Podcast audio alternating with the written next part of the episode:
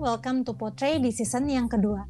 So, di episode ketujuh ini gue mau ngajakin Eris dan Justin untuk ngomongin hal yang lagi menarik di akun-akun media sosial, yaitu adalah toxic positivity. Nah, sebelum gue minta pendapat kalian, mungkin gue pengen jabarin sedikit fakta-fakta mengenai toxic positivity supaya para pendengar juga aware tentang isu ini. Hmm. Jadi menurut sumber yang gue baca, toxic positivity ini adalah sebuah konsep yang fokus dengan hal positif dan melupakan atau menolak hal yang memicu emosi negatif.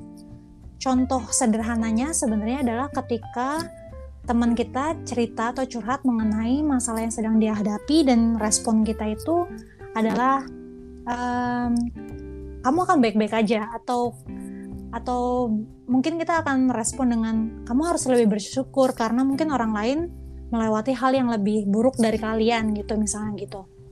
Nah sebenarnya eh, kata-kata seperti itu seolah-olah mengabaikan perasaan si teman kita ini yang bercerita dan juga biasanya orang yang terkena maksudnya terkena musibah atau ada masalah itu menjadi menutupi emosi negatifnya karena ingin dinilai lebih positif.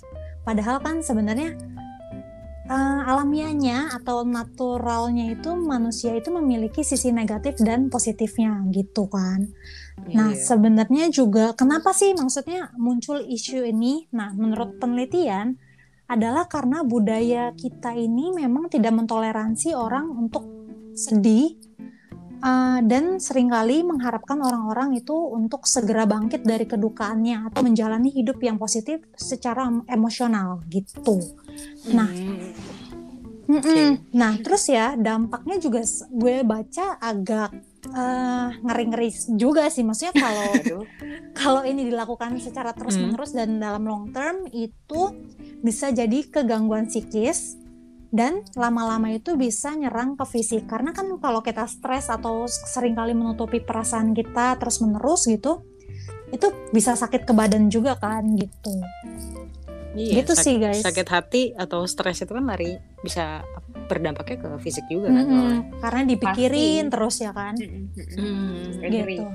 Jadi mungkin bisa diceritakan gimana Eris atau Justin mungkin pendapatnya tentang isu ini dan atau apa kalian pernah mengalami ini atau pernah melakukan ini ke orang lain gitu?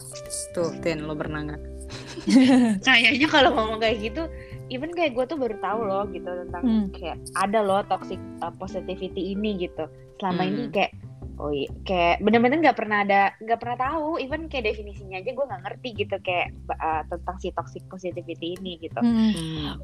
pas kemarin kita kayak decide mau bahas ini terus habis itu gue coba cari-cari baca juga wah ternyata mungkin gue kayak pernah ngalamin ya atau bukan bukan ngalamin pernah yang ngalamin melakukan ya, malah melakukan malah kayak gue hmm. pernah ngelakuin gitu tanpa yeah, yeah. tanpa disadari gitu ternyata oh uh, bisa jadi ketika kita mau maksudnya adalah baik yang gue baca ya mungkin agak hmm. beda sama yang Renata baca uh, itu tuh lu mas padahal maksudnya adalah ya mungkin gue mikirnya ya udah lo terima aja emang kayak gitu loh gitu loh. Hmm. jadi uh, kita akan ngomong ke teman kita atau ke orang lain lah intinya ya udah uh, emang begitulah gitu. Maksudnya uh, ya udah tetap semangat ya jalan ini gitu. Nah kirain gue ya udah itu kan hal yang paling uh, apa ya aman. Iya. Terus yang bisa lo lakukan ya. Betul bukan mau cepet sih tapi intinya adalah kayak ya udah daripada gue ngomong yang negatif atau malah nambah manasin kan lebih bahaya yeah. dong gitu kan. Jadi better ngomongnya ya yang aman aja gitu. Eh ternyata ada hal ini gitu. Ternyata toxic di balik itu. Iya ya ampun gitu. Ternyata itu terus, menyebabkan toxic ya. Terus kayak gue sekarang jadi mikir sih jadi yang terbaik itu better gimana, gimana? sih gitu. Jadinya gak jadi orang gitu. Mau hmm. kalau dengerin sih udah pasti dengerin curhatnya gitu karena tapi hmm. After itu apa gitu maksud gue apa just ya udah dengerin aja tapi lo nggak bereaksi something kayaknya juga kurang ya menurut gue gitu. Karena hmm. kayak kalau lo cerita sama orang mungkin ya mau didengerin tapi habis itu kan mungkin ya dia ada ngomong sesuatu hal ya lo eh, buat lo dengerin lah gitu kan hmm. menurut gue kalau sampai ketika kita habis itu ya udah dengerin aja selesai gitu uh, agak garing ya bukan garing agak krik krik krik agak anti klimaks iya. Nah itu bahasnya anti klimaks lah gitu itu okay. sih gue kayak ke depannya gimana menyikapi menyikapi itu gitu ya, maksud gue ya. itu tapi sih. tapi emang ya ini tuh kayak udah kultur juga gak sih kayak kita tuh hmm. ketika kita lagi berduka aja orang coba bisa kayak ngomong yang sabar ya gitu iya I mean sabar itu susah loh ya gak sih itu gue mulai itu gue mulai sadar gue gue mencoba nggak ngomong kayak gitu itu kayak beberapa tahun yang lalu ya gue kayak aware gitu mulai kayak ya juga ya orang tuh ketika lo ngomong eh, sabar itu kayak cuma basa-basi kayak lo nggak bener-bener kayak kayak oke okay, ajarin gue sabar tuh kayak gimana ngerti nggak? Kayak hmm. itu tuh kan susah gitu. Sementara lo ngomong enak banget kayak udah sabar ya. Ntar juga ah, hilang uh, sendiri sedihnya kayak gitu ya. Oke. Okay. tapi hmm. ya prosesnya kayak gitu. Itu gue kayak gue gue mulai sadar tuh kayak berapa tahun yang lalu. Terus sampai akhirnya belakangan ini mulai muncul kayak orang-orang yang ngebahas tentang si toxic positivity ini. Jadi kayak oh oke okay, now I know gitu kan. Kayak akhirnya lo terbuka nih gitu kan. Hmm. kayak kayak oh ternyata ya emang lo di even ketika lo mencoba menjadi positif pun lo mesti mempertimbangkan aspek uh, kayak apa yang orang lain rasain ya gak sih? Iya hmm. benar sih. Ya, jadi nggak cuma sekedar kayak lo oh ya, kayak tadi Renata bilang mungkin kayak uh, apa Uh, lu bilang apa? Re tadi gue jadi lupa. gue bilang kayak itu kan kayak semangat gitu. Mungkin hmm. maksudnya kayak lo harus lebih oh, iya, bersyukur. Kayak, iya iya. Padahal orang lain gak se mungkin gak sebaik lo gitu. Nah, menarik juga tuh kayak yang lu bilang bersyukur itu juga kan. Kan kayak itu juga ada yang kayak gitu kan kamu tuh harus bersyukur apa kamu tuh lihat dong itu orang tuh makan susah kita bisa enak gitu. Nah hmm. ternyata yang kayak gitu itu juga bagian dari toxic positivity karena lu kayak ngejadiin kesulitan orang atau kesusahan orang itu jadi kayak bahan bakar lu untuk bersyukur gak sih? Hmm, dari sementara, komparasi ya?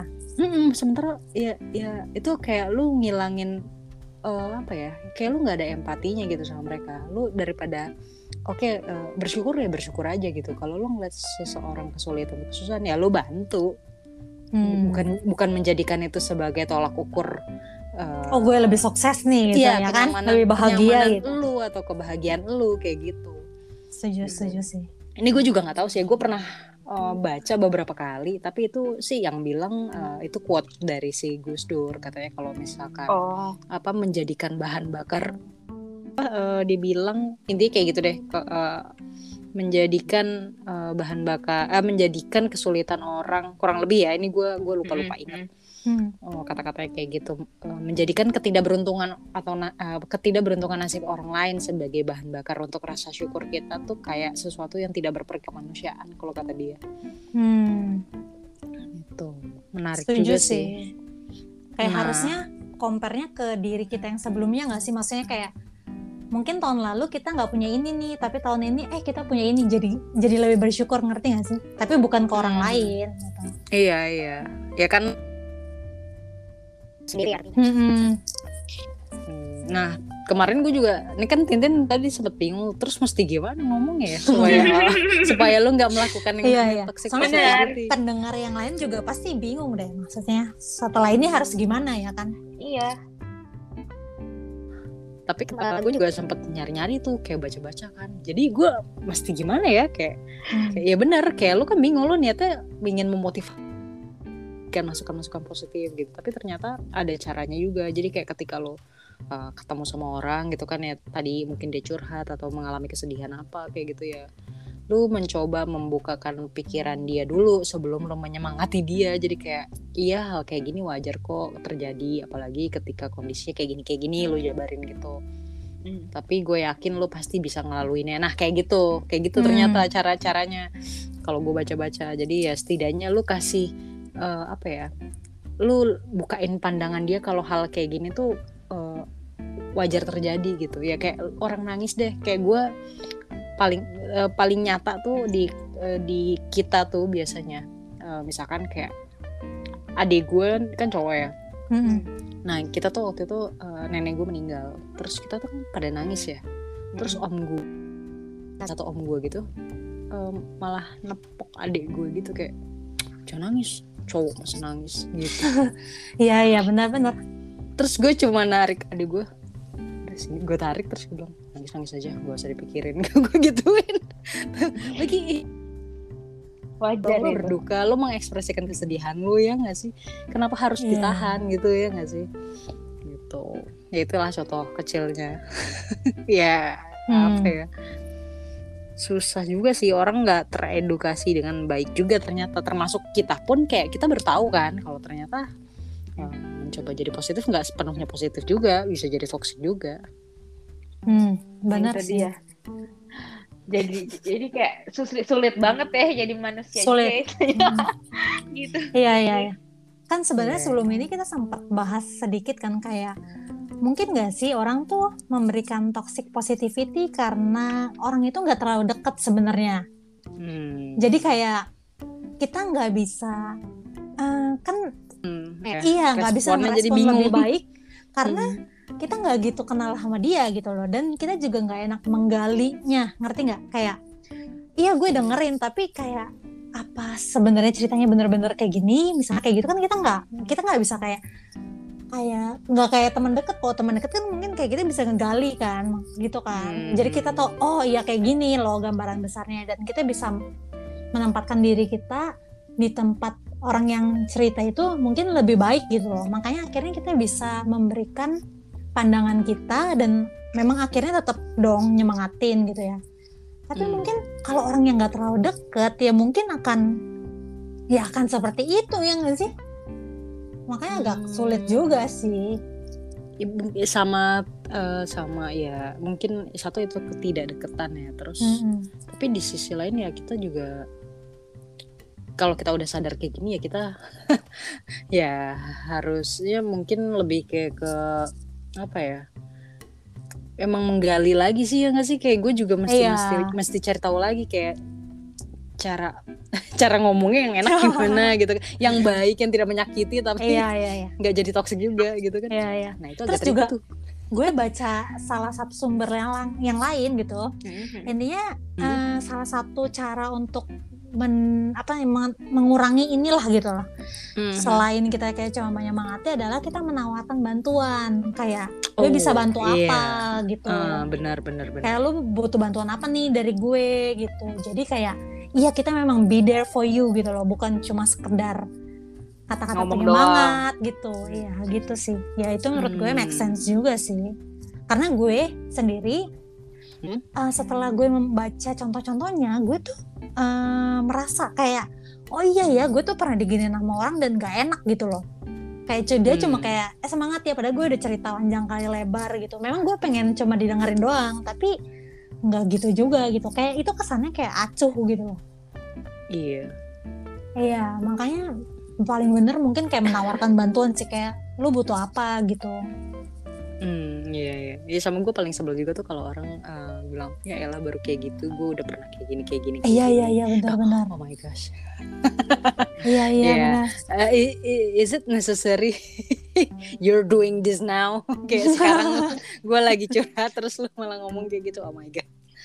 Gitu ya emang itu salah satu bentuk uh, apa apa eh, apatis eh nggak apatis sih apa ya intinya tidak nggak empati lah. kali ya Iya, Kurang tidak empati. Iya Iya, iya empati. benar benar benar sih Hmm. Nah, solusi kalau solusi ya bener boleh juga sih. Maksud masuk Bisa, akal sih bisa ketika tadi. ketika ketika lo tahu orang ngalamin kesulitan ya lo nawarin untuk Bantuan. meringankan bebannya dia ya kan.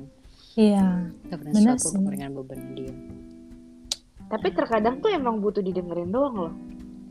Bener kan? iya Nah, benar sih Itu juga Eh, kita- kejadian kita tuh. es yang es gitu soalnya nggak gue nggak berharap lo bantu karena nggak bisa dibantu Mhm. gitu misalnya lu mau abis itu lu mau ngapain ke gue juga nggak bisa karena itu udah misalnya psikis atau apa yang emang nggak bisa gitu lu mau Hmm. gue mau minta bantuan lo pun nggak bisa mungkin Gitu, bantuannya itu. nggak yang kayak kita melakukan sesuatu tapi mungkin kayak lu boleh cerita apa aja kalau misalnya lu menemukan kesalahan atau kesulitan gitu loh ngerti gak sih kayak Hmm, gue ngerti akan selalu ada gitu loh dengerin lu gitu jadi tenang aja gitu misalnya Even jadi Mungkin gitu sih. pendengar yang baik aja itu udah udah Membantu ya? Iya. Hmm. karena kayak gue kejadian juga ada eh, salah satu teman dekat gue lah gitu dia biasa kita emang suka curhat-curhat gitu kan nah dulu tuh ada Hmm. satu momen kayak terus di mana oh lagi di sini uh, gue jemput deh kata gitu. Ya udah. Hmm. ternyata dia cuma mau cerita. Jadi kita cuma muter-muter naik mobil nggak jelas ke mana. Terus dia cuma cerita oh ya udah. Ya gue dengerin gue dengerin ya udah. Kayak gitu aja udah ngebantu banget buat dia menurut dia ya. Jadi kadang ya hmm. ya kadang emang nggak nggak perlu action gimana gimana sih. Orang cuma perlu didengerin nih nggak sih? Perlu waktu ya. Maksudnya waktu untuk dia gitu. Iya eh, waktu untuk dia untuk apa ya untuk mencurahkan mencurahkan iya, emosinya. hmm. Hmm. karena kan ya lo bayangin deh sekarang kan orang banyak juga yang kayak depresi gitu-gitu kan. Karena orang-orang di sekitarnya mungkin gak cukup mendukung untuk mendengarkan masalahnya dia. Atau ya jatuhnya kayak uh, apa? Ya kayak toxic positivity kayak positivity itu yang tadi kayak ya udahlah lo baru kayak gini aja nggak masalah orang tuh banyak kayak gitu. Nah pasti kan bukannya malah ngasih solusi atau meringankan malah nambah beban pikirannya dia juga kan? Iya ternyata ah, masalah gue tuh nggak ada apa-apanya gitu ya kan? Mm -hmm. hmm tapi serba salah. Eh, tapi eh tapi serba salah loh. Terkadang hmm. memang mungkin maksudnya bukan maksudnya mau jadi toxic positivity. Ini gue pikir mungkin di sisi yang lain ya. Misalnya hmm. gue jadinya uh, apa namanya kayak bener gitu ya? Misalnya kayak yang tadi uh, iya ini biasanya orang ini punya misalnya yang lo terjadi di lo ini misalnya receh. Misal ya misal. Beneran yes. receh. Karena ada orang yang uh, lo kadang-kadang ketemu dia harus tahu bahwa kayak lu juga ngalamin itu sebenarnya nggak nggak nggak nggak separah itu loh. Misalnya bukan separah ya bukan parah apa ya. Sebenarnya nggak ada apa-apa nggak kenapa-napa gitu misalnya ya. Karena ada orang yang mungkin nggak pernah uh, ngerasa sulit atau apa yang gitu loh maksud gue. Pernah ya misalnya gue pernah ketemu yang emang dia lebay aja gitu loh maksudnya bukan yang emang drama ya? Iya gitu maksud gue. Bukan oh, beda gua, lagi berarti. Uh, maksudnya bukan bukan uh, apa nggak nggak menerima atau nggak tolerir orang punya masalah? Nggak tapi maksud gue hmm. ada yang emang drama orangnya gitu. Jadi kayak lu mau ngomong itu toxic positivity jadi agak sulit juga gitu maksudnya. Itu sih yang menurut gue pada saat gue baca. Susah juga ya gitu. Jadi harus gimana? Kayak gue bilang kenapa gue harus gimana ngikapinnya? Karena ada orang yang emang nggak bisa lo gitu apa nggak bisa lo gituin. Tapi ada orang yang kayak harus lo gituin gitu jahat gue soalnya emang ya cara orang ngerespon masalahnya dia kan beda-beda ya. Iya benar sih. Yes, mungkin ya mungkin bener kayak Tintin bilang ada drama ada. Yang sebenarnya bisa disikapi dengan baik gitu kan dan lebih apa gitu kan nggak tahu juga sih. Gue iya sih karena karena, karena, karena ya, anyway kita nggak ada huh? di nggak ada di gak sepatunya ada di, dia, ngerti gak sih kita nggak tahu yang dia ya. bener-bener rasain mm. gitu kan nggak ada yang tahu gitu Iya kenapa dia respon aku kayaknya lebay banget ya kan kita juga nggak ngerti kan apa iya. mungkin apa mungkin apa kita emang... terlalu dewasa apa ya ya iya itu gue baru gue bilang apa mungkin secara mentally kita lebih siap ya nggak sih ketika mungkin. menghadapi situasi yang sama mungkin kita bisa lebih siap dibandingin dia gitu terlalu banyak, banyak sih faktornya kayak gitu ya nggak sih terlalu banyak ya, menghadapi bener. masalah udah Amit udah saking ya. udah, biasa udah, udah. sering biasa astaga Tuhan tapi intinya maksudnya kayak uh, toxic positivity ini kan sebenarnya kayak menekan rasa negatif ya padahal sebenarnya yeah. kan manusia maksudnya seyogyanya memang ada rasa negatif dan rasa positif itu jadi sebenarnya menurut gue alami-alami aja sih. Maksudnya ketika orang itu sedih kesel marah kecewa mm-hmm. ya biarkan aja itu apa namanya keluar ke permukaan gitu. Daripada dipendem-pendem juga nggak bagus juga. Toh juga kan banyak yang kita lihat. Contohnya itu adalah orang ketika mendem perasaannya terus akhirnya dia meluapkan emosinya malah mm. wah kaget kan kita Iya, gitu. orang yang biasanya nggak pernah marah gitu kan. Selama ini dipendem aja mungkin gitu. Iya. Iya. Gitu. Emang ini sih uh, apa? Mesti apa ya? Kalau menurut gue karena kan uh, yang namanya emosi natural kayak lo marah, iya. lo sedih gitu kan, lo happy, lo seneng, ya kan? hmm. happy seneng sama aja sih. Ya, gitu. itu kan intinya kayak emosi yang paling mendasar lah di yang yang manusia punya gitu kan dan hmm. kenapa mesti disembunyiin gitu kalau Benar sih. itu gitu. honestly keluarga gue tuh termasuk nggak keluarga nggak semuanya sih tapi kayak gue nyokap sama bokap bokap itu juga tipikal yang emosional Menahan- menahan. dalam arti kata Enggak, justru emosionalnya tuh gampang nangis. Oh, iya. Kayak gitu-gitu. Jadi kayak ya gini dikit nangis, gini dikit nangis, kayak gitu loh. Jadi kayak tapi menurut gue ya udah it's okay gitu. Emang ya emang manusia dikasih kelebihan untuk bisa merasakan emosi yang dia Merasakan. punya gitu kan. Bener sih. Gitu. Iya, justru kayak aneh gak sih kalau semua orang kayak datar, seneng, terus kayak ini tuh manusia apa bukan ya kan?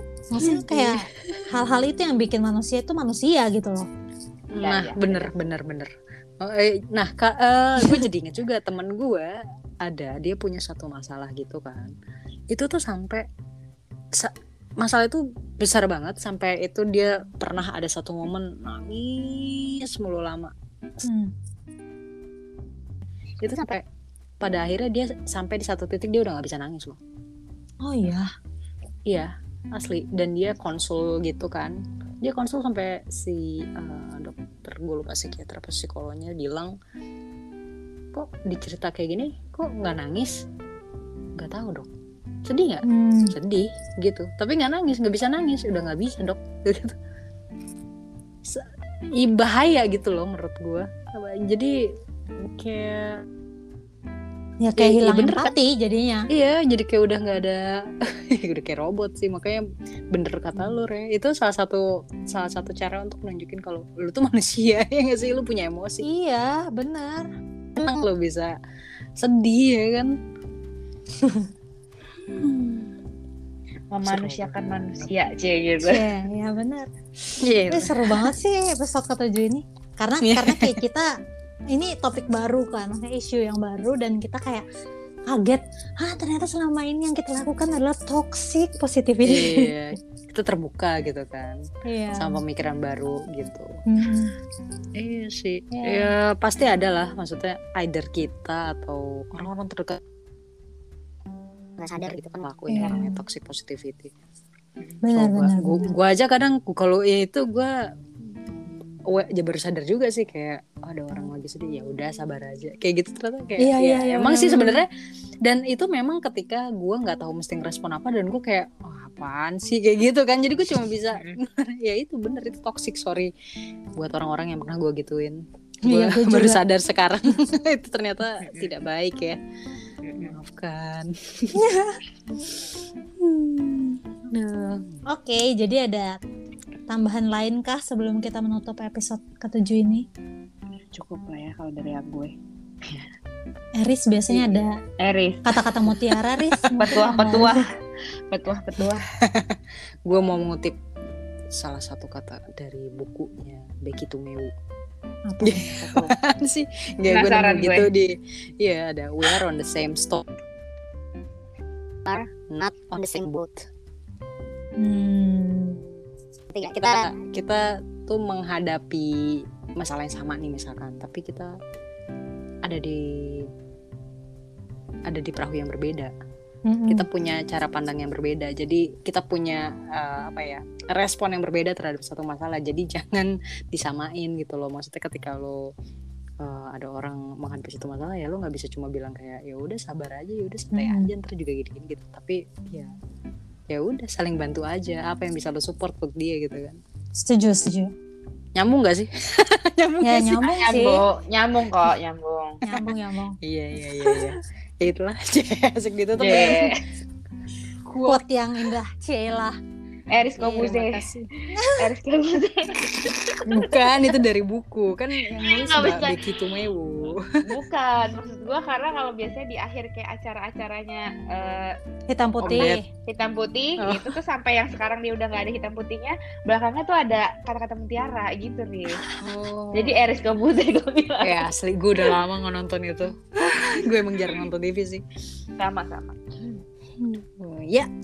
Oke, Gitu. jadi mungkin di toxic positivity ini mungkin yang bisa kita ambil solusinya adalah ketika ada yang cerita sama lu tentang masalah yang dia hadapi, lu bisa kasih waktu lu untuk dia, lu dengerin cerita dia dan mungkin mungkin lu tawarin bantuan kayak lu bisa bantu apa gitu, meskipun nggak selalu tentang uh, kasih barang, kasih uang gitu ya kan. Bisa aja kasih waktu dan perhatian lo.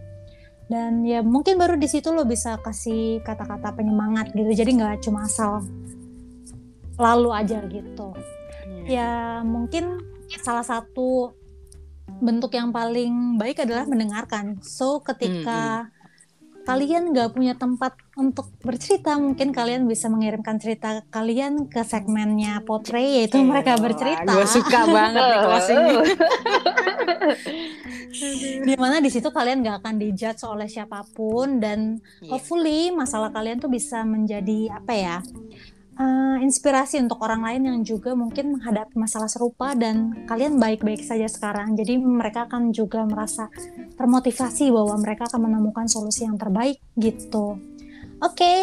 uh, thank you semuanya yang buat yang udah dengerin. Thank you Eres dan Justin. See you in the next episode. Thank bye -bye. you. Bye bye. bye, -bye.